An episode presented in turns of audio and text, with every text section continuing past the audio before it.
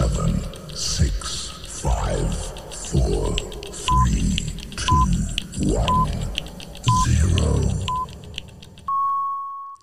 Áldás békesség! Kedves hallgatóink, szeretteink, testvéreink és barátaink! A Hazahoztál magyar nyelvű keresztjén missziós podcastünk adását halljátok Augsburgból.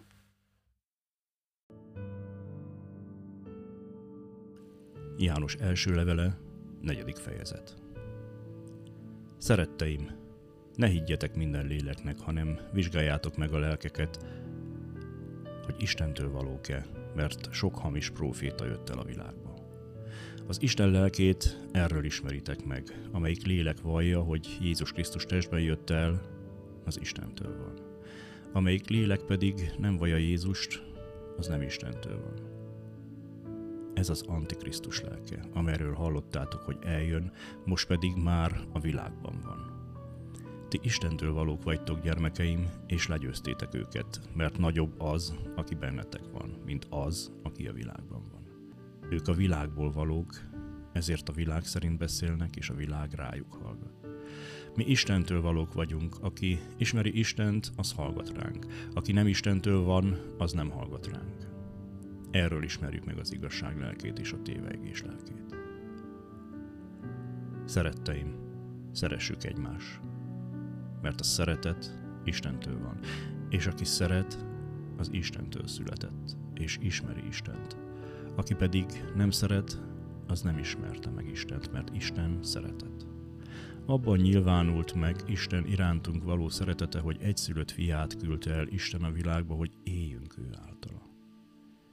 Ez a szeretet, és nem az, hogy mi szeretjük Istent, hanem az, hogy ő szeretett minket, és elküldte a fiát engesztelő áldozatul bűneinkért. Szeretteim, ha így szeretett minket Isten, akkor mi is tartozunk azzal, hogy szeressük egymást. Istent soha senki nem látta. Ha szeretjük egymást, Isten lakik bennünk, és az ő szeretete lett teljessé bennünk.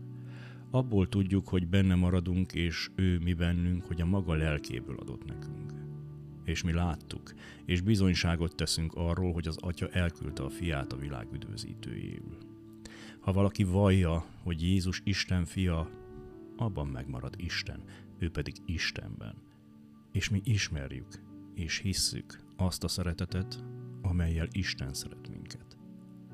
Isten szeretet, és aki a szeretetben marad, az Istenben marad, és Isten is ő benne.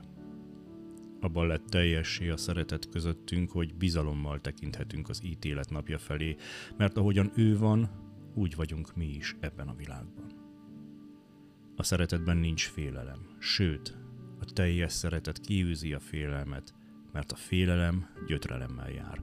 Aki pedig fél, nem lett tökéletessé a szeretetben.